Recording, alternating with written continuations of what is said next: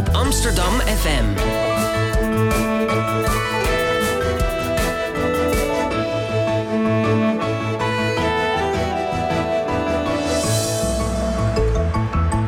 Radio Swammerdam.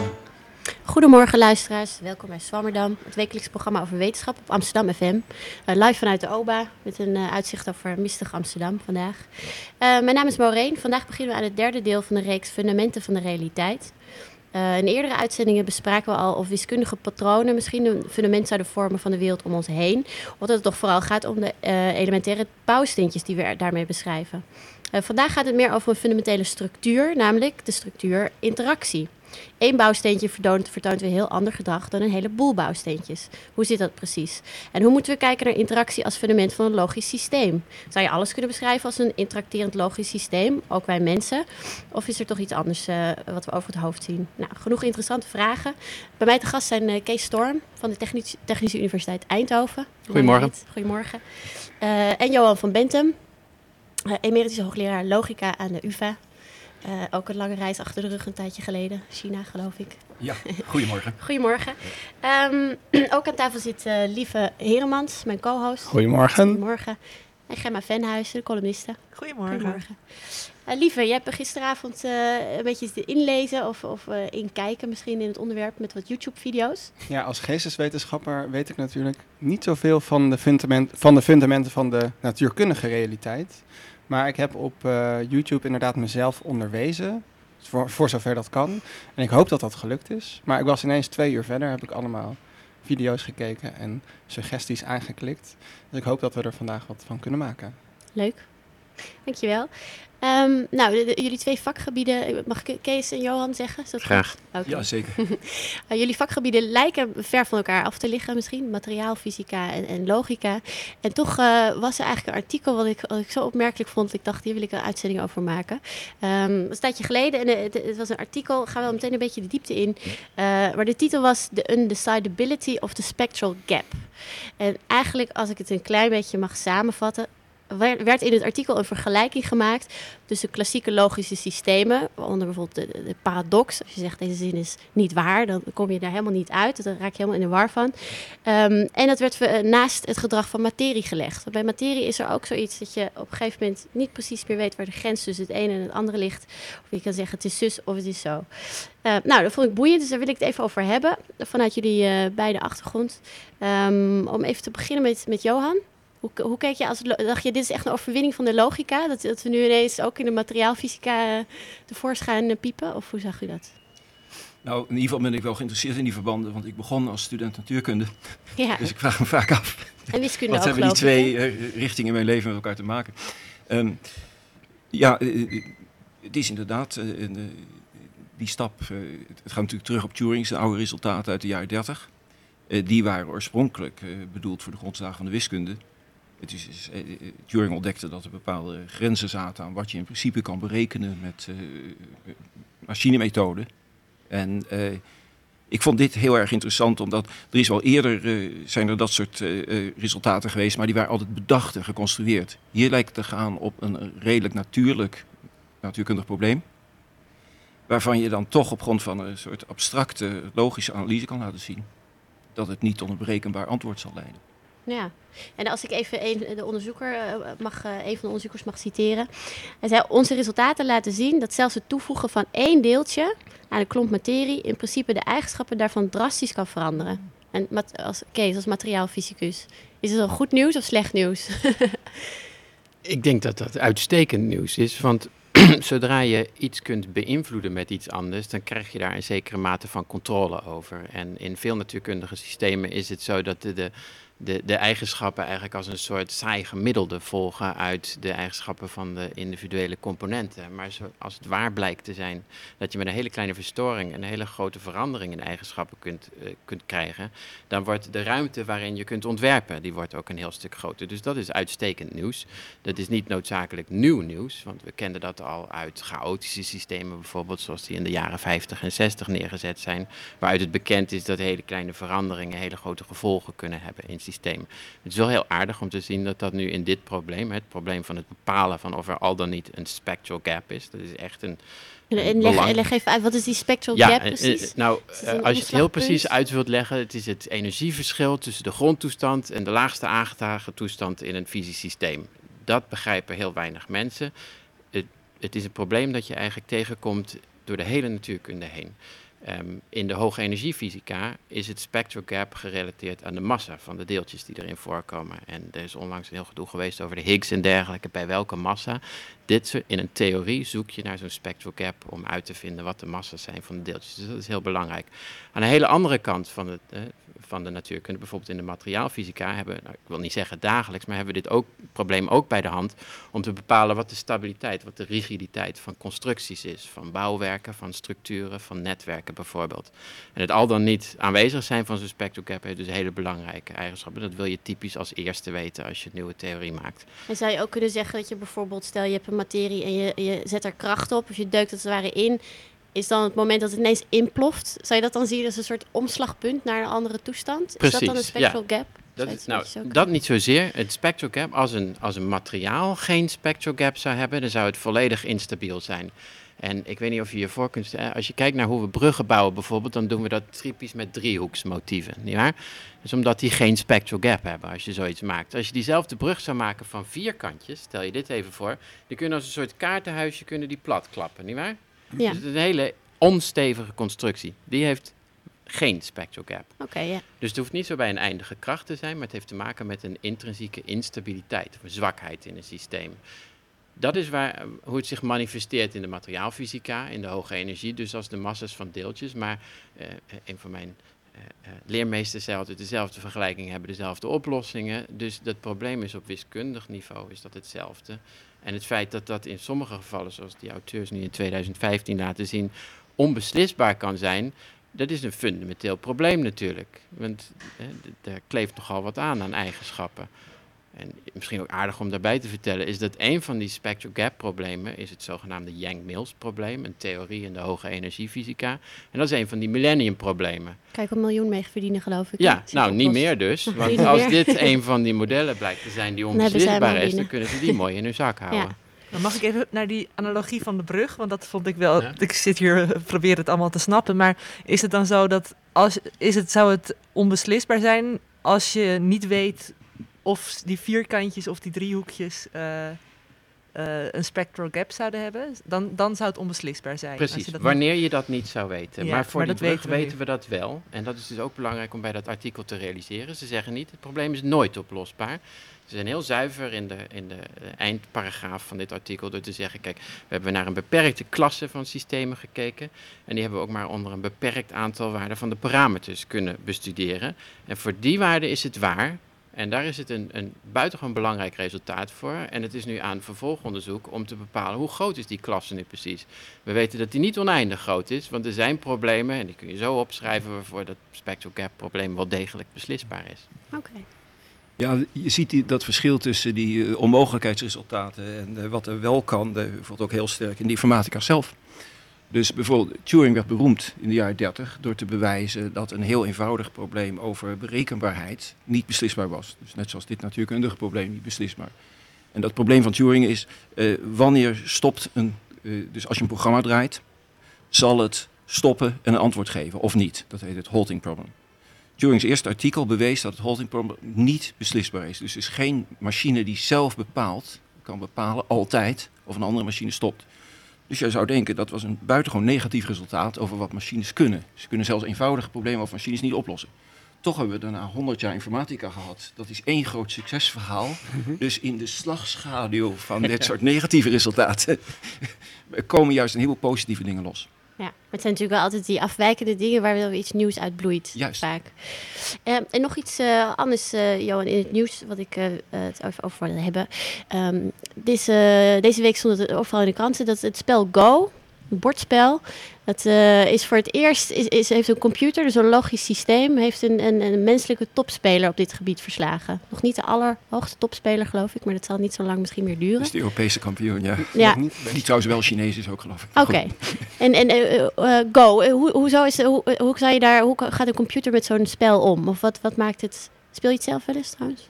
Eh, nee, dus uh, dammen, schaken, go, eh, Go ken ik alleen als theoretisch probleem, want het wordt in de literatuur vaak gebruikt om complexiteit van problemen te meten. Dus, eh, eh, eh, ja, dus wat dat. eh, het gekke is, dit is eigenlijk eh, illustreert waar we het net over hadden. Dus eh, eh, Turing laat zien dat er eh, eenvoudige problemen zijn die niet beslisbaar zijn, mechanisch beslisbaar. Maar zoals ik zei, eigenlijk is er ook een succesverhaal. Namelijk dat telkens problemen die heel lastig lijken oplosbaar zijn. Dus bijvoorbeeld eh, dammen is al opgelost eh, door de computer, dat eh, een jaar of tien geleden. Maar is dat oplossen? Want ik stel me nou voor, dus zo'n computer die, die, die, die denkt eigenlijk alle mogelijke zetten uit, alle mogelijke paden Nee. op dat bord. Nee, dat doet hij juist gaat niet. Dat doet hij juist niet. Nee, dus het merkwaardige is, en, en, en daarmee zijn dus ook wel wat moeilijke vragen aan de orde. Die eerste computers die spelen uitrekenden, die zochten inderdaad alle zetten uit. Ruwweg gesproken. Brute force heet dat toch? Ja, brute force. En dat eh, gebeurde, eh, eh, dat gaat eigenlijk terug op eh, oud wiskundig werk uit het begin van de 20e eeuw. En, ehm, eh, maar dat is niet de methode. en daarmee is ook in principe bijvoorbeeld eh, dammen opgelost. Dus daar hebben een aantal computers eh, 13 jaar gedraaid. Zo. In Canada en in Duitsland om ook een controle te hebben. Eh, voor jou trouwens, Kees, als eh, natuurkundige, eh, als je zo lang computers draait, dan kunnen er ook kwantumeffecten optreden. Dus dat voorkomen toevallig niet door de software de computer misgaat. Dat hij net linksom gaat plaats van Ja, dat hij net dus één bitflip doet die niet. dat gebeurde ook bij die computers. Dus na ongeveer zeven jaar. Dan gaat het eh, dus helemaal andere kant ze op daarna. geven. Toen moest er dus uitgezocht worden welke computer had gemisfunctioneerd. En tot mijn grote verbazing was dat niet de Canadese, maar de Duitse, Duitse computer. Maar goed, daarna zijn ze weer gevoelige Dat is sterke ja, wil. ja, dus dat was nog ver voor Volkswagen. Maar nu, het nieuwe Go-oplossing eh, werkt op een andere methode. Daarom is het eh, op het moment theoretisch zo interessant. Dus wat, eh, wat die methode doet, het is een leerprogramma. En dat denkt niet alle zetten vooruit. Het is juist een neuraal netwerk. En wat het doet is, ze geven het ontzettend veel voorbeelden van veelbelovende of succesvolle Go-standen die ze al kennen. Bijvoorbeeld uit feitelijk gespe- gespeelde Go-partijen. En die computer ontdekt daarin patronen. Patronen die vaak door mensen helemaal niet gezien zijn of niet bewust zijn gezien.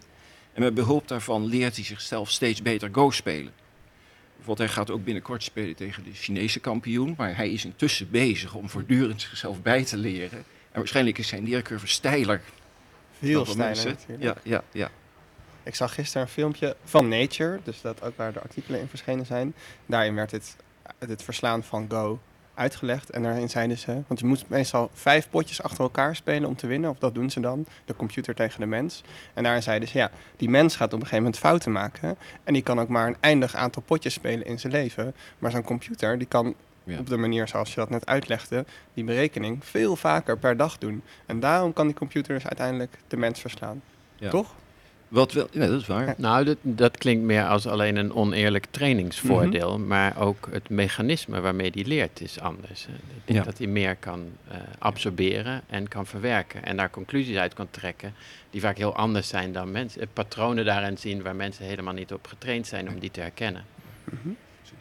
Maar is, is zeg maar die, die kern van, van, van onze slimheid of intuïtie in een spel spelen, zit dat dan meer in een logisch redeneren of zit dat in patroonherkenning of in allebei? Ja, nou zit je direct op een van de grote vragen Ja. in het eh, huidige eh, eh, eh, Je onderzoek. hebt Dus- erbij geholpen. Dus de, eh, want dat, dat is een soort spanning die er de hele tijd al in zit. Dus de, dus de informatica, computers begonnen op een, op een soort logisch model. Dus dat is eigenlijk ook in Turing's werk. Die denkt eigenlijk na over hoe een menselijke rekenaar bepaalde rekenproblemen zou oplossen. Ontleed dat eenvoud, in eenvoudigste stappen. En, en bedenkt een apparaat wat dat ongeveer kan, alleen veel vaker en veel eh, intensiever.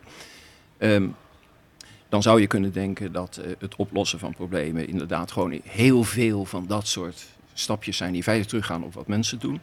Maar eh, op het moment, dat is één methode en die is ook niet weg. En die wordt ook nog, nog veel gebruikt. Maar daar staan tegenover methoden inderdaad van patroonherkenning op enorme gegevensbestanden.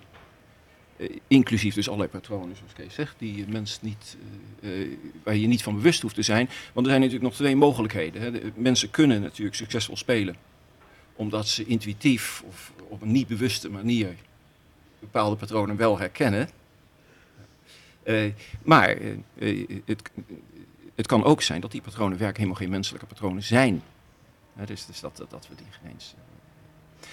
In feite speelt datzelfde probleem trouwens ook met, eh, op het moment bij het nadenken over heel andere dingen hoor. Veel dichter eh, bij de, huis, bijvoorbeeld in taalgebruik. Je zou kunnen denken als je een gesprek voert, eh, dat is ook een logische kwestie. Je denkt na over het onderwerp, wat je wil zeggen, je reageert op wat anderen zeggen en zo. Dat zijn eigenlijk logische stappen. Er zit gewoon een soort structuur in en je brengt naar voren wat je daar wil zeggen. Maar aan de andere kant zijn er op moment theorieën die zeggen dat... maar je hebt in je leven wel duizenden, zo niet tienduizenden gesprekken gevoerd. Dat wil zeggen dat een enorme ervaring, zelfs al helemaal niet meer wat die vorige gesprekken waren. Je hersenen zijn gewoon getraind op in bepaalde situaties reageren. Los van wat je logisch plant en zo. En waarschijnlijk ligt daar de waarheid ergens in het midden. Dus dat eh, bijvoorbeeld op ons instituut doen we veel onderzoek naar mengsels. Van logische manieren van gespreksvoeren. Plus een soort invloed van een geheugen. Van tienduizenden eerder opgeslagen zinnen en gesprekken. Ja, misschien heb je daar ook wel een soort van bitflip. Dat je af en toe toch ineens iets, iets, dus iets, iets langs vliegt in je, in je perifere zicht. Waardoor je toch iets anders zegt. Plotseling. Waardoor het hele gesprek een andere wending krijgt. Ja, daardoor wordt het interessant. voor huis lijkt me. Ja, precies. En Kees, als jij, jij werkt veel met polymeren. Ja, ehm, complexe moleculen. Ehm, dat doe je ook op een computer veel, denk ik. zeker. En, en hoe, ehm, wat ik altijd wel leuk vind, we hebben het nu heel de tijd over eh, een systeem. Dus er zijn veel meerdere dingen met elkaar in interactie. Maar je hebt ook één losstaand molecuul. En, en heeft dat, is, is het geheel altijd meer dan de som der delen? Zoals altijd wordt gezegd. Wat gebeurt er als je een heleboel mm, polymeren met elkaar laat interacteren in een model? Is het dan ook chaotisch of wat gebeurt er dan? Wat zie je dan? Ja, dat is een hele brede vraag. Die je, ik vind het moeilijk om te zeggen of het geheel altijd meer is dan de som der delen. Er is zo'n kreet in de natuurkunde dat more is different. En, en dat brengt tot uitdrukking dat wanneer je één agent hebt die bepaalde eigenschappen heeft en je brengt die in contact met heel veel anderen, dan kunnen ze nog zo'n simpele wisselwerking hebben, elkaar simpelweg alleen maar afstoten, hè, doordat ze niet dezelfde ruimte in kunnen nemen. En dan krijg je daaruit, daaruit ontstaat een gedrag, dat, hè, emergent noem je zoiets wel, dat je niet had kunnen verwachten op grond van wat die individuele deeltjes nemen. Het simpelste voorbeeld daarvan is misschien hoe materialen kristallen vormen. Bijvoorbeeld als ik één deeltje neem, hè, één atoom of één molecuul, dat kan vrij door de ruimte bewegen, kan overal zijn waar die wil in principe. En als ik er een hele hoop bij elkaar gooi, dan plots onder bepaalde omstandigheden besluiten ze collectief, nee, wij geven die vrijheid op en we gaan allemaal netjes in een rooster zitten en nu hebben we alleen nog maar met z'n allen de vrijheid om als heel kristal rond te bewegen. Dat is een gedrag, dat kun je nooit vermoeden dat dat gaat gebeuren als je naar dat, dat ene watermolecuul kijkt, bij wijze van spreken. Dus in die zin is veel bijna altijd anders en heb je heel weinig zicht op wat voor gedragingen daar gaan ontstaan. En om daar een beter grip op te krijgen, omdat het toch de situatie is waar je, waar je eigenlijk naar wilt kijken. Want als je naar materiaal kijkt, dan heb je het over orde getal van Avogadro, dus 10 tot de 23ste moleculen, eh, agenten bij elkaar die wisselwerken. Dus je bent typisch op zoek naar dat emergente gedrag. Ja. En je hebt niet veel, heel veel manieren om dat analytisch te doen, dus vanuit de vergelijkingen. Dus dan zet je het op een computer. En om die computer goed eh, overzinnige dingen te laten doen, moet je iets aannemen, moet je iets erin stoppen over wat die wisselwerkingen dan zijn daartussen. En die moeten we uit, uit de diepten van de natuurkunde halen. Want als je nu gaat kijken, hè, je vraagt eh, één molecuul op zich, wat, eh, wat zijn dat? Dus een molecuul is typisch natuurlijk al een samenstelling van atomen. Ja. Atomen zijn zelf ook weer samenstellingen van deeltjes. Dus dan zit je al op minstens vloer 3 van het hiërarchiegebouw van, van de materie.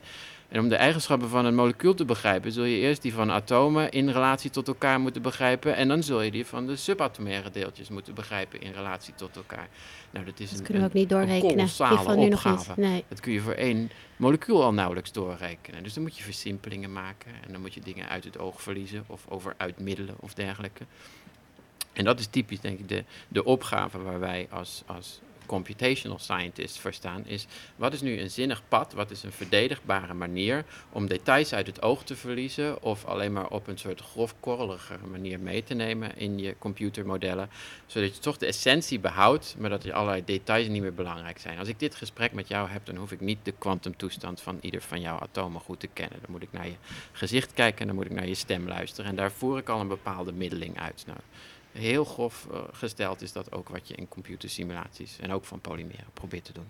Maar om, om, om nog even terug te gaan naar het artikel wat we in het begin bespraken. Je zou wel kunnen zeggen dat je, stel je hebt een brok metaal of, of weet ik veel wat voor een spult is.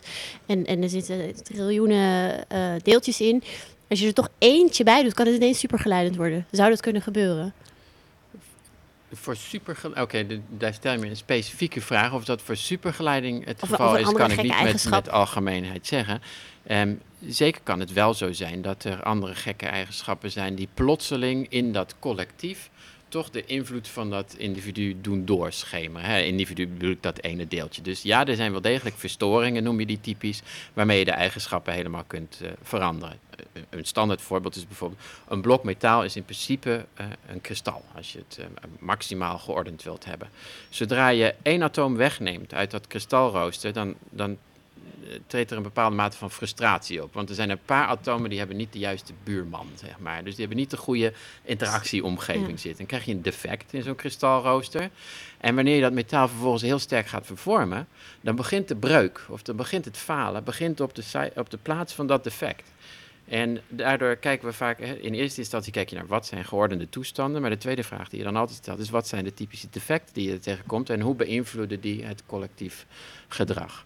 Dus ja, het, het kan zeker zo zijn, en het is ook heel vaak aan de orde, dat hele kleine verstoringen enorme gevolgen hebben. Ook het toevoegen of het wegnemen van één deeltje kan dat doen. Is Ja. dat dan ook, ja, dat is weer op een heel ander gebied, maar dan zit ik meteen te denken aan mutaties in cellen en kanker en zo. Kun je ja, dat dat dan is een bij hele mensen... goede vraag. dat, Dus je, je genoom bestaat uit een gigantische hoeveelheid bazenparen. En de, we zijn eh, in zekere opzichten ontzettend robuust tegenover eh, eh, mutaties daarvan. Want het is lang niet zo dat iedere mutatie leidt tot een, een kwalijke aandoening of een ziekte of dood. Hè, dit is het mechanisme van evolutie dat uiteindelijk die eruit filtert. Dus die, die, die zien we niet heel vaak terug.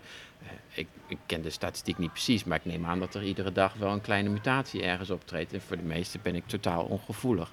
Maar er zijn erbij die precies op het verkeerde punt vallen en die plotseling enorme gevolgen hebben. Dus ja, dat is een, een, eh, een- interactie, een wijziging waar een heel klein veranderingetje een enorm gevolg kan hebben.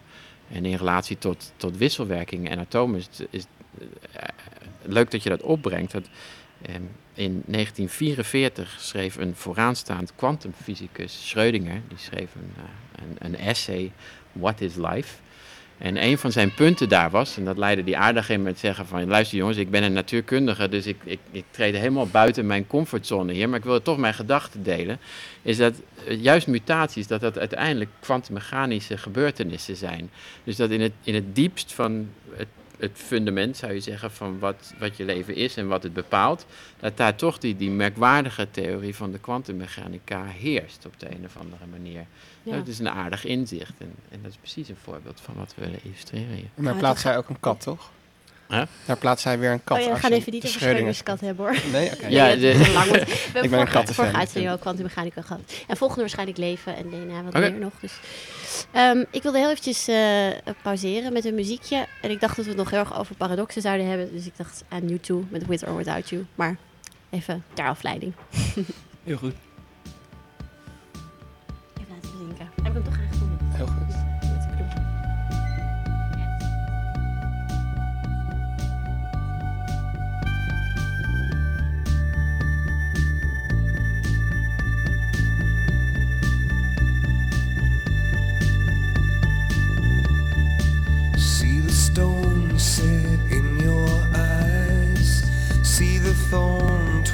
In your side. I'll wait for you.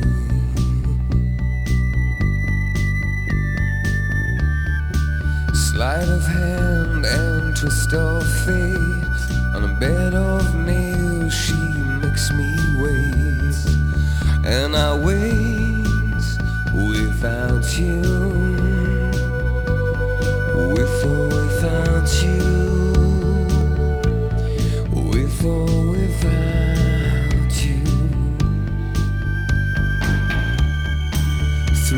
Storm, we reach the shore. You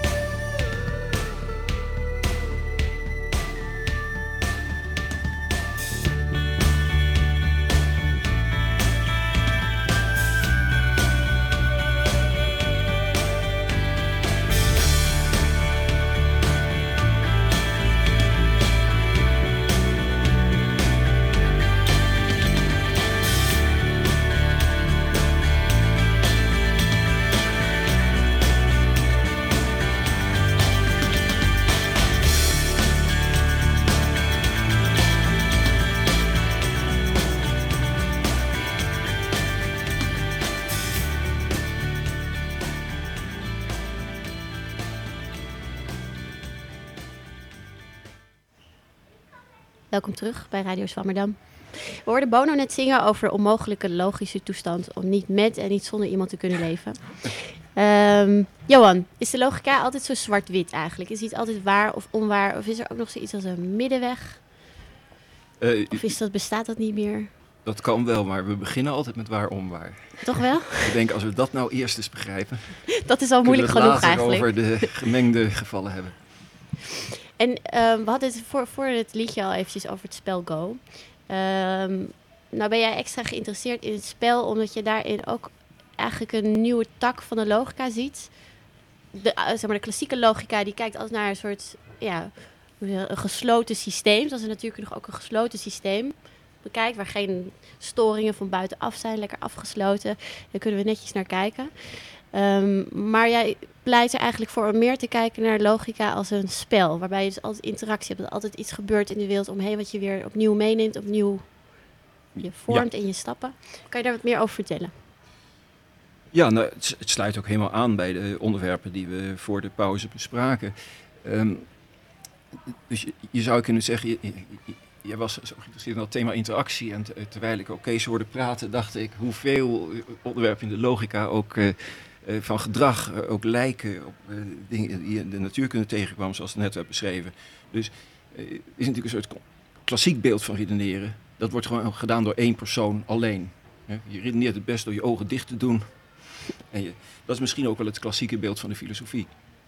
Maar in de logica, en zelfs in de geschiedenis van de logica, is dat waarschijnlijk niet de oorsprong van het nadenken over redeneren. Dat komt meer uit argumentatie.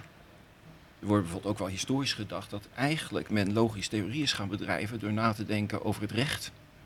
Want het recht bestaat al vele millennia, veel langer dan de georganiseerde wetenschap. Dat kun je gewoon zien in historische overblijfselen. En dat is natuurlijk altijd een debat tussen verschillende partijen, twee of drie.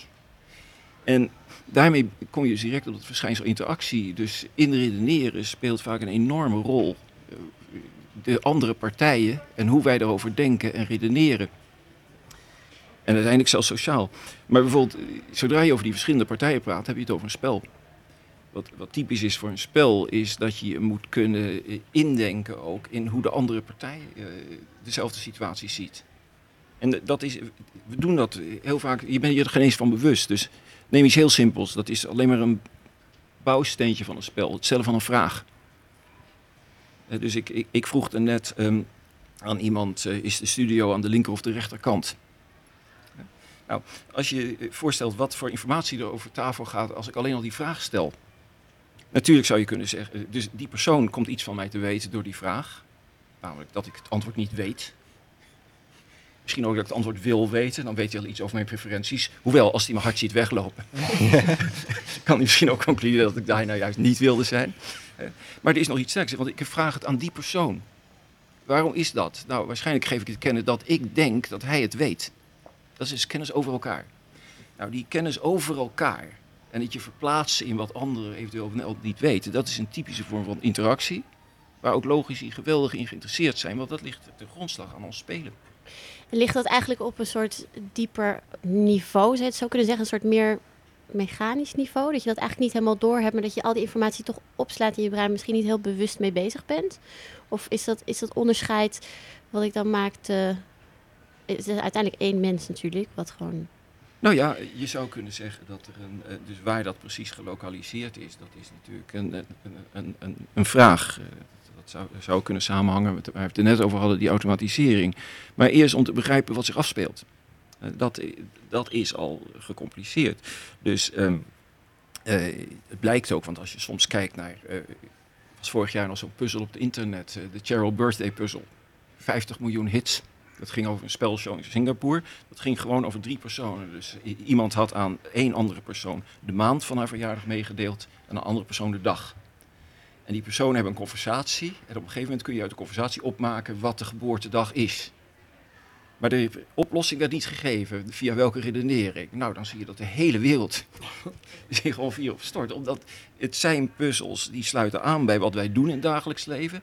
Maar we maken het iets ingewikkelder dan wat we normaal doen. En dan moet je heel scherp logisch redeneren Ja, om die dus, oplossing te vinden. dus eigenlijk ben je... eh, eh, want we hadden het net ook even over, over die computer die, die die menselijke topspeler had eh, verslagen. In hoeverre kan je het redeneren in een, in een computer heel anders zien als in een menselijk brein? Of is dat een hele, dat is een hele brede, ingewikkelde vraag, dat weet ik ook wel. Maar zou je daar toch iets... Rekenen wij Ja. heel veel de hele tijd? Ja, dus dat is een. eh, nou ja, natuurlijk is dat een. dus in die oorspronkelijke modellen van hersenwerking eh, werd inderdaad gedacht dat het erg leek op een logisch systeem. En eh, de eerste neurale netwerken die, die losten ook taken op die van tamelijk eenvoudige logische aard waren. Maar ik denk dat eh, de, realiteit is dat de hersenen spelen een soort totaalvoetbal. Dus dat wil zeggen, als wij een probleem oplossen, dan doen we alles tegelijk. We gebruiken ons taal. En dat is ook bekend uit scans. Dus als bijvoorbeeld mensen eh, dus in eh, de scanner worden gelegd terwijl ze aan problemen bezig zijn, dan zie je in feite dat alle hersengebieden actief zijn. Dus ehm, eh, het taalgebied, dus de formulering van het probleem speelt een belangrijke rol. Dus we halen dingen uit. Ehm, er zijn ook gebieden in het hersenen die zich meer speciaal met redeneren en planning bezighouden. Die zijn natuurlijk actief. Maar het merkwaardig is dat bijvoorbeeld ook bij vrij abstracte problemen de visuele cortex actief is. Dat wil zeggen, we vormen dus voortdurend beelden, zelfs al zijn die in het probleem niet direct gegeven. Dus ik denk, eh, de hersenen doen iets heel complex, waarbij ze in feite alles erbij halen. Wat nuttig zou kunnen zijn en misschien nog meer. Terwijl in de logische theorie wordt natuurlijk juist vaak naar het minimum gezocht. Maar ja. Wat nodig is om een probleem op te lossen. En ehm, Kees, ja, in jouw vakgebied ben je veel bezig met auto-assemblage. Oftewel, je kan het ook nog auto... Je hebt allemaal zelforganisatie, kan je het ook Ja. noemen. Ja, Ehm, auto in de zin van zelf, hè? Dus ja. niet auto's in elkaar zetten. Nee, precies. eh, precies. Laten we dat even duidelijk... eh, Ja, dat is ook een mooi vak. Ehm, wat we, als ik kijk naar, naar die interactie in een logisch systeem... dan lijkt het wel alsof je een, een beweging of een vernieuwing in een systeem... altijd afhankelijk is van wat er om, iets, om een systeem heen gebeurt. Maar in jouw vakgebied is het ook zo dat die polymeren zelf een nieuwe structuur maken. Daar hebben ze niks, van, niks per se iets van nodig. Ze, ze, voor, ze nemen gewoon een bepaalde structuur aan... zonder hulp eigenlijk van buitenaf. Zou ik Ja. het zo kunnen zeggen? Hoe werkt dat precies? Nou, als ik dat wist, dan... Oké, betere Puntje, vraag. puntje, Wat zie je dan precies? Ehm, ja, hoe, hoe werkt het precies? Nou, dat, dat weten we niet. Hè. Dit is een van de grote uitstaande problemen, denk ik, in, eh, nou, in de wetenschap in het algemeen. Dat durf ik best te zeggen. Het, het meest eh, scherp zie je dat in het probleem van eiwitvouwing. Hè, dus ehm, waarom zijn wij als, als biofysici geïnteresseerd in polymeren? Nou, daar heb ik altijd een goed antwoord voor. Er zijn drie belangrijke ehm, structuren in de biologie. Je hebt DNA, je hebt RNA en je hebt eiwitten. En het zijn alle drie polymeren. Dat betekent lange aaneenreigingen van gelijkaardige eenheden. In het geval van DNA en RNA heb je de vier verschillende bazen, al dan niet gepaard. In het geval van eiwitten heb je aminozuren en daar heb je er twintig van. En die zitten typisch met z'n vijfhonderden tot z'n vijfduizenden aan elkaar. De combinatoriek van de mogelijkheden van het aantal eiwitten is mind-boggling. Hè, dat, daar zijn meer mogelijke eiwitten dan er atomen in het heelal zijn. Dat soort berekeningen kun je maken. Ieder van die kraaltjes van zo'n eiwitketen, die heeft zijn eigen karakter in termen van interacties. Sommige zijn positief geladen, andere zijn negatief geladen. Sommige zijn zuur, andere zijn basisch. Sommige houden van water, andere houden niet van water. En wanneer ik die hele keten uitgerekt neerleg, dan zoeken de plusjes de minnetjes op, dan zoeken de waterliefhebbende stukjes het water op en de rest schermt zich ervan af. En onder invloed van al die krachten samen vouwt het zich tot een structuur in de ruimte. En die is optimaal gegeven dat, dat ingewikkelde samenspel aan krachten. Dit is het probleem van eiwitvouwing. Gegeven die lineaire structuur, welke aminozuren er op volgorde zitten, voorspel wat de vorm wordt. Want eiwitten interageren met elkaar weer op een hoger niveau op basis van hun vorm. Ik heb één eiwit dat eruit ziet als een sleutel en de ander als een slot. En die twee die passen op elkaar en die vormen een dimer. En zo gaat het door tot hogere en hogere structuren. Dus dat is het, het ingewikkelde probleem dat je daarop wilt lossen. In de sequentie, in de structuur van die eiwitten, ligt al besloten hoe ze zich gaan vouwen en hoe ze zich in verhouding gaan stellen tot andere eiwitten. En dat doen ze helemaal zelf. Het recept voor zo'n eiwit staat op je DNA. Je hoeft het alleen maar te bouwen en dan wordt het wat het moet zijn. En dan door de, door de verdere wisselwerkingen vormt het zich tot de structuren die het moet zijn. En die structuur, dat zijn wij. Wij zijn Ja. gemaakt van eiwitten. En uiteindelijk via dat proces van zelfassemblage, want er is geen extern veld dat ons dwingt om deze vorm aan te nemen, dat zit besloten in die structuur. En dit is het probleem van zelfassemblage. En we zien overal om ons heen zien we de resultaten ervan, want de hele natuur is volgens dit principe georganiseerd. Alles wat leeft maakt gebruik van eiwitten om zichzelf in elkaar te zetten, die volgens dezelfde regels vouwen. Maar die regels die kennen we niet zo goed, of in ieder geval de uitkomst kennen we niet zo goed. Maar is dat dan dat, je, dat het nog een probleem is, omdat je, wat je zei net al, nou, we weten wel van de plusjes gaan naar de minnetjes en het water. En, maar is er dan nog een, nog een element wat daar mist? Wat, wat kan je dus nog, je kan het nog niet net genoeg voorspellen. Zeg maar, Complexiteit. Dus als, die, als dat eh, eh, eiwit drie aminozuren heeft, dan kan ik het oplossen. Als het vier aminozuren heeft, dan kan ik het oplossen. Maar als het 500 aminozuren heeft, dan kan ik het in de praktijk niet meer oplossen. Niet vanwege beslisbaarheid, onbeslisbaarheid van de structuur van het probleem, maar gewoon vanwege computationele complexiteit. Dat kost je een eeuwigheid. Dus je moet slimme algoritmes bedenken, je moet goede gokken nemen. Alles wordt er aan dit probleem gegooid. Misschien heb je wel eens gehoord van die SETI at home, waar je je, je computer, terwijl die staat te idelen, kunt, kunt Ja. gebruiken om aliens te zoeken. Een veel interessanter alternatief is Fold at home. Ik, ik weet niet precies of het zo heet, maar dat heet zoiets van Foldit of iets dergelijks. Waar je kunt bijdragen aan proberen eiwitten te vouwen terwijl je computer niks staat te doen. Gewoon allemaal draaien op je computer, lijkt me. Goed voor de wetenschap. er zijn spelletjes die je op je telefoon kunt installeren, waar je als mens kunt ingrijpen in zo'n computerprogramma dat op zijn eigen domme manier probeert dat eiwit te vouwen. Dat je zegt, wacht eens even, als ik die twee grote lobben neem en ik leg ze naast elkaar, dan zit er een hele grote plus bij, een hele grote min. En het blijkt dat die combinatie van de domme rekenkracht van de computer, slimme algoritmes en af en toe een soort gekke ingreep van een mens, dat die kunnen leiden tot, tot hè. En, en dat vind ik heel interessant Mooi. om, om dat ook verder uit te diepen of je daar met programmatuur misschien wat mee kunt uiteindelijk. Ja, mooi. Ik, ik wil eventjes naar eh, Gemma toe met een column. Ja? Ik ben heel nieuwsgierig naar al deze verhalen over eh, zelfassemblage en logische systemen. Wat je, je gaat ons even terug in de realiteit brengen. Ja, weer iets heel anders. nou ja, hè, je had mij verteld, we hebben het vandaag bij Swammerdam over eh, onbeslisbare problemen en abstracte interactie, om het maar even zo samen te vatten. En eh, die kom je ook in het dagelijks leven tegen. Afgelopen week ontdekte ik in het huis van mijn ouders tussen de collectie langspeelplaten en de stoffige cd's nog een derde vrijwel vergeten muziekarchief. Een stapel cassettebandjes. Maak er wat van van Bert en Ernie, Dark Side of the Moon van Pink Floyd En een tape die ik zelf had opgenomen 17 jaar geleden. De Backstreet Boys, de Spice Girls en natuurlijk Hanson, mijn lievelingsband. U weet wel, die drie langharige jongetjes die samen Mbop zongen.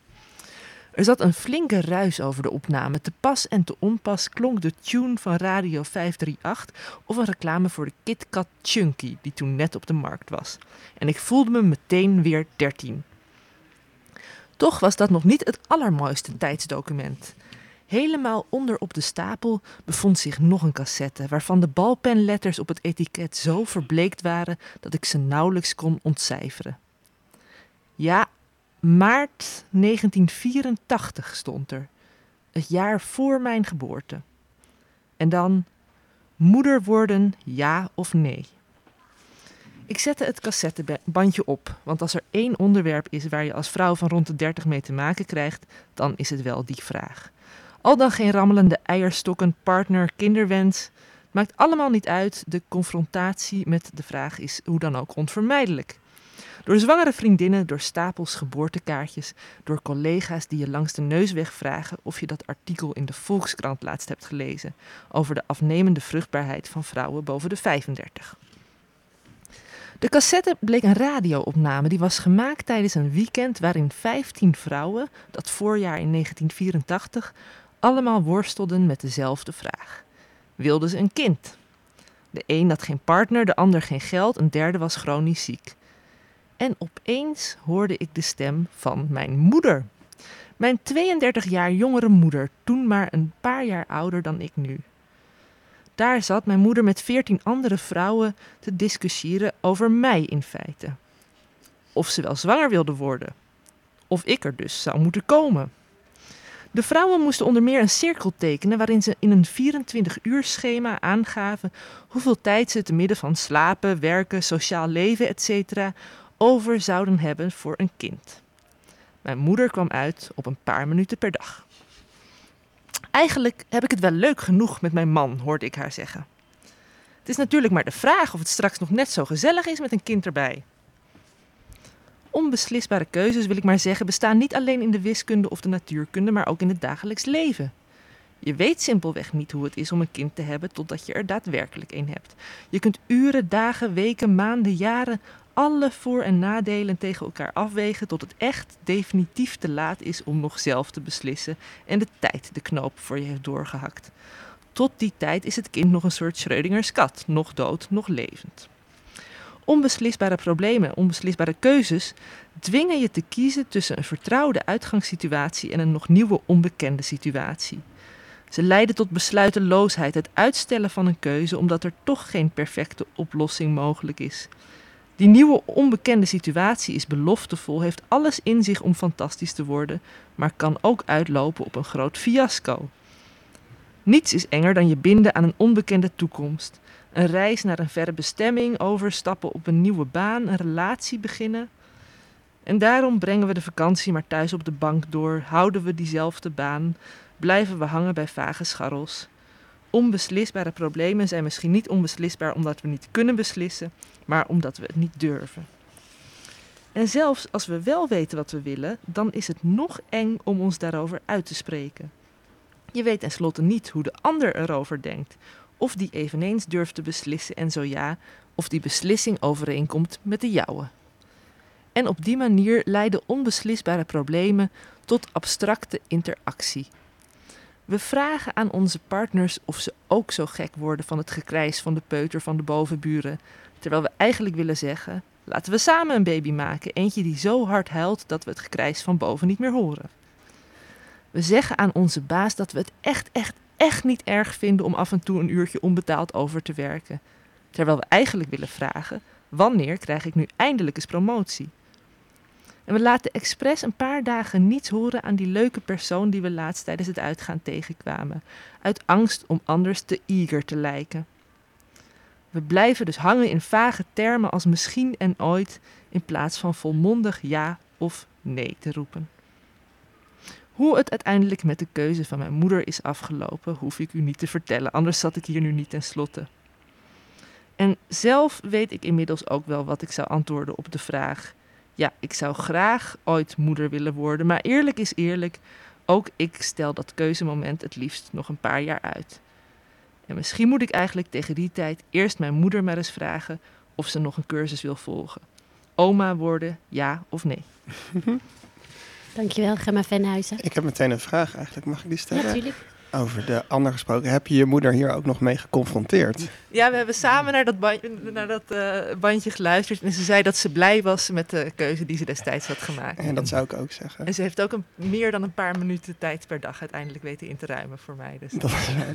Daarover gesproken trouwens, ijscellen kan je tegenwoordig invriezen. Daar hebben we een paar weken geleden een uitzending over gemaakt. En die kan je allemaal terugluisteren via de podcast van Radio Zwammerdam.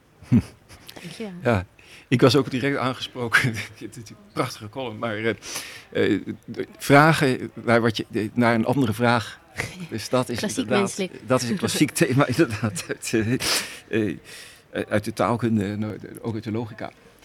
Want dat komt natuurlijk zoveel voor dat je inderdaad, en dat is natuurlijk ook een soort interactief vermogen, want je moet iets weten over de ander. Ja, je moet altijd op een... eh, ja, om die juiste, om, dus, eh, het, het, het, het voorbeeld dat veel in de literatuur voorkomt is bijvoorbeeld in Noord-Ierland wil je iemands godsdienst weten. Dat kun je niet rechtstreeks vragen. Dus je vraagt via een omweg langs sportvoorkeuren. Wel, dat, en het is namelijk een brisant onderwerp, maar mensen hebben dus allerlei manieren gevonden. Maar eigenlijk omheen. worden de gesprekken dus door die indirecte interactie wel zo leuk, als ik het zo Ja. begrijp. Want anders dan ben je eh, snel, eh, ben je katholiek? Ja, nee. Dan is het gesprek snel afgelopen. Terwijl, Ja, het is natuurlijk Ja. juist het spel met wat je wel en niet mag vragen en wel en niet mag zeggen. Eh, wat, eh, eh, eh, precies, dat maakt eh, conversatie interessant. Ja, En- dus misschien is die indirectheid zo erg nog niet eigenlijk. Dat, eh, Nee, helemaal niet. En ik denk ook dat, eh, daarom, ik, ik heb eh, wel eens gezegd dat eh, het voeren van een gesprek is misschien wel de hoogste cognitieve prestatie. Als jij een sollicitatiegesprek voert, dan is eigenlijk het enige wat je over wilt dragen. Is, ik ben buitengewoon slim en jij moet mij benoemen. En dat zijn net de dingen die je niet kunt zeggen. dus je gebruikt een half uur om allerlei andere dingen te zeggen. Ja, je kunt het wel zeggen, maar of je dan wordt aangenomen... Nee, nee, dat is een eh, goede ja. manier om niet aangenomen te worden. Tenminste in Nederland.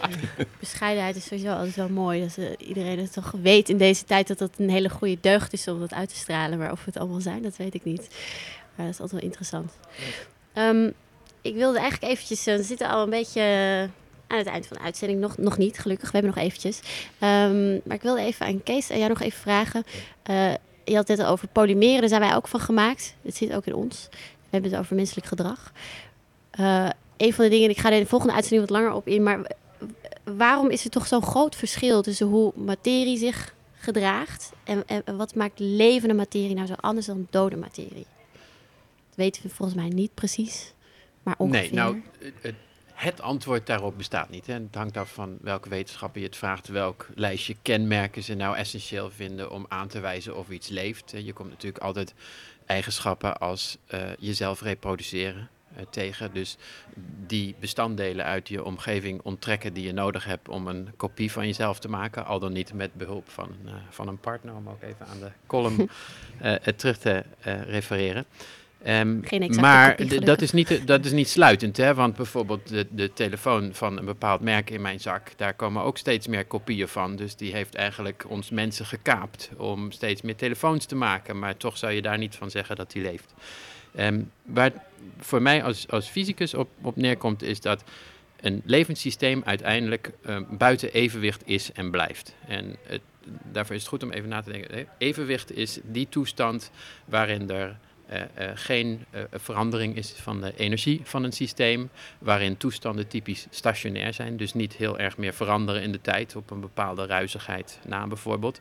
En een van de kernbegrippen van de natuurkunde is dat een grote klasse van systemen dat die een evolutie vertoont, niet in de, in de Darwiniaanse zin, maar in de tijd, naar toestanden van evenwicht. Dus als je buiten evenwicht bent, dan wil je in evenwicht komen. De kern van leven is om zo lang mogelijk buiten evenwicht te blijven en dat in stand te houden. En een van de gevleugelde uitspraken daar is: equilibrium is death. Dus de toestand die correspondeert met evenwicht is die van de dood. Hè, en evenwicht betekent hetzelfde worden als je omgeving. We kennen bijvoorbeeld, hè, een beetje een morbide voorbeeld, maar een, een lichaam hè, daar, dat wordt koud wanneer het overleden is. Want het is niet langer in staat om zichzelf in een andere toestand te bewaren dan die omgeving. Maar dat koud worden is niet een eigenschap van doodgaan. Dat is een eigenschap van de omgeving die overgenomen wordt. Hè. Dat systeem gaat op in zijn omgeving. Als jij rond de evenaar doodgaat, waar het warmer is dan 37 graden, dan word je warm wanneer je, wanneer je doodgaat. Dus dat is het, een opgaan in de buitenwereld. En om dat buitenevenwicht te bewaren, moet er energie bij. En dit is een andere eigenschap van levende systemen. Om die toestand te kunnen bewaren, moeten ze op de een of andere manier energie tot zich nemen. En dat doen wij in de vorm van eten bijvoorbeeld. Om dit te doen heb ik vanmorgen moeten ontbijten en, eh, en ik moet drinken. Ik moet die bestanddelen, die moet ik mezelf aan blijven leveren. En dat moet blijven doen, anders dan ga ik straks ook in evenwicht geraken met de buitenwereld. En dit is voor mij een manier om als fysicus zinnig na te denken over wat is leven. En dan zeg je, oké, ik heb een buiten evenwicht toestand. Wat zijn typisch de natuurkundige wetten wanneer je buiten evenwicht bent? Hoeveel energie moet er precies bij? In welke vorm moet ik die tot mij nemen? En in welke vorm wordt die vervolgens geabsorbeerd en ge- ge- geïntegreerd in mijn systeem? Nou, en daar komen nu wat interessante ideeën over eh, eh, eh, uit naar voren uit het veld. Dus echt iets wat, wat behoorlijk in beweging is op dit moment, is om te kijken of er vanuit dat concept van blijvend buiten evenwicht zijn, of daar toch iets aan te formaliseren valt, of daar iets aan te theoretiseren valt. En is het dan blijvend uit evenwicht zijn? Of is het steeds zeg maar, zoeken naar nieuw evenwicht als een soort van paard die achter een wortel aan een stok rent? Zeg maar. Je heet het Ja, maar dat paard is naar aan het nieuw evenwicht zoeken. Ja, precies. Maar dat is dus, dus continu een, eh, een streven naar evenwicht, waardoor je nooit in evenwicht raakt. Dat streven naar evenwicht, dat is onze natuurlijke neiging. En als we dat even voor het gemak, dat is wat korter de bocht, maar eh, eh, gelijkstellen aan sterven, dan is dat wat we het liefst uit willen stellen. En daar zijn we constant mee bezig. En daarvoor moeten wij eten. Wat we verder doen aan, aan nadenken, aan handelen, is allemaal ondergeschikt aan onze drang om in leven te blijven. Hè? We hebben daar ook de lucht voor nodig. Dus eh, dat zit ingebouwd in je systeem om dat te willen zijn. Toch wel weer grappig dat we dan zo enorm veel tijd in ons brein bezig zijn met nadenken over gesprekken en, en, en, en logische posities. En hoe je je toekomst voor je ziet en hoe je je verleden terugziet. Dat is toch eigenlijk wel opmerkelijk, vind ik. Ja, dat betekent Zo- hoeveel eten je kunt krijgen. Ja, dat Ja. is opmerkelijk. Maar je, je, je zou als cynicus dat ook kunnen duiden in de zin van een jezelf manoeuvreren in een positie waar het zo eenvoudig mogelijk wordt om zoveel mogelijk energie eh, tot je te nemen. Ik denk dat wij als moderne mensen wel wat weggedreven zijn van dat soort hele basale instincten. Maar dat uiteindelijk in simpelere levensvormen al het gedrag te verklaren is uiteindelijk aan een, een strategie om te overleven. Om, dat, om, om die energie te vinden. Maar je zou toch uiteindelijk ook willen weten waarom we daarvan afgedreven zijn. Dat zou er toch ook in moeten zitten dan? Nou, misschien dat we dan weer... Taal misschien? Maar dat lijkt me een heel onderwerp op zich. Dus inderdaad, hoe Ja, sociaal, daar zijn we denk ik vandaag niet aan toegekomen. Maar eh, hoe eigenlijk sociaal gedrag zich ontwikkelt op dat eh, eh, eh, natuurkundig substraat. Ehm, We hebben nog vijf minuten hoor. Wat? We hebben nog vijf minuutjes. Nou, ja, het, het gekke is dat eh, ik, ik, ik zit wat te denken over de, ehm, dus de aansluitingen tussen, tussen die onderwerpen. En eigenlijk zijn er twee soorten vragen waar ik zelf mee zit. Ehm, eh, is eigenlijk dat logische, bewuste redeneren. En maar ook die interactie in een gesprek en zo, dat zie ik zelf eigenlijk zitten in een laagje. Het is aan twee kanten ingeklemd tussen de fysica. Oh ja, dat kun je natuurlijk niet zien op de radio, maar goed, ik doe mijn best om de eh, microfoon dus eh, tussen mijn twee handen te pakken. Eh, kijk, onder ons zit natuurlijk de biologische realiteit die eh, Kees beschrijft. We moeten het doen met dit lichaam, met deze hersenen enzovoorts. En de beste modellen om te be- beschrijven, bijvoorbeeld die neurale netten, die komen ook uit netwerken, die, die bijvoorbeeld ook bij die Go-oplossing zijn gebruikt, die komen uit de natuurkunde. Dus het zijn natuurkundige modellen. Ehm, dan komt dat laagje van ons, eh, waarin we proberen gesprek te voeren, beslissingen te nemen enzovoort. Waar we het wat minder over hebben gehad, maar dat is in mijn wereld, eh, dat krijg je precies hetzelfde wat Kees beschreef. We moeten toch Vervolgens gaan doen. individuen gaan zich sociaal organiseren. Er is sociale zelforganisatie. De beste modellen voor sociaal gedrag op het moment zijn ook weer natuurkundig. Dan beschrijf je ons gewoon als een vloeistof van meningen en zo. En daar vinden zich bepaalde patronen in plaats. Nou, dat, wat ze soms al noemen de dunne lijn van die logische rationaliteit tussen de grote natuurkunde in onder ons en boven ons.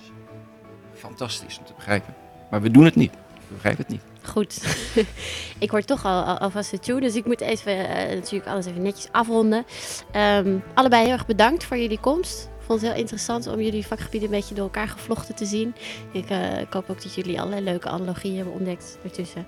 Ehm, volgende week zijn we weer terug. En dan is Luc eh, te horen. En die gaat het hebben over wanneer iets eigenlijk wetenschap genoemd wordt en wanneer niet. En dat is de eerste eh, uitzending van de reeks Grensgevallen. Ehm, deel 4 van eh, mijn reeks is te horen op Valentijnsdag. Heel romantisch om te gaan luisteren natuurlijk. Ehm, dan gaan we een nieuw onderwerp aanstippen. Een beetje wat we nu al hebben besproken. Maar nog wat meer de diepte in over de levende materie. Ehm, verder wil ik ook Lief en eh, Heremans naast mij bedanken, mijn co-host. Ja, graag gedaan. En Gemma Venhuis voor de leuke column die ons allemaal weer eventjes terugbracht naar waar het eigenlijk om gaat in het leven. Eh, ja, dankjewel allebei. En eh, we zijn natuurlijk gewoon weer terug te luisteren op Amsterdam FM, ook fragmenten, op Soundcloud, op, op de podcast, op iTunes en alle andere dingen. En we staan op Twitter en we staan op Facebook. Het moet allemaal netjes vermeld worden natuurlijk. Dus ga terug luisteren. Allemaal een fijne zondag. Dankjewel. Ik ben al heel slecht in de.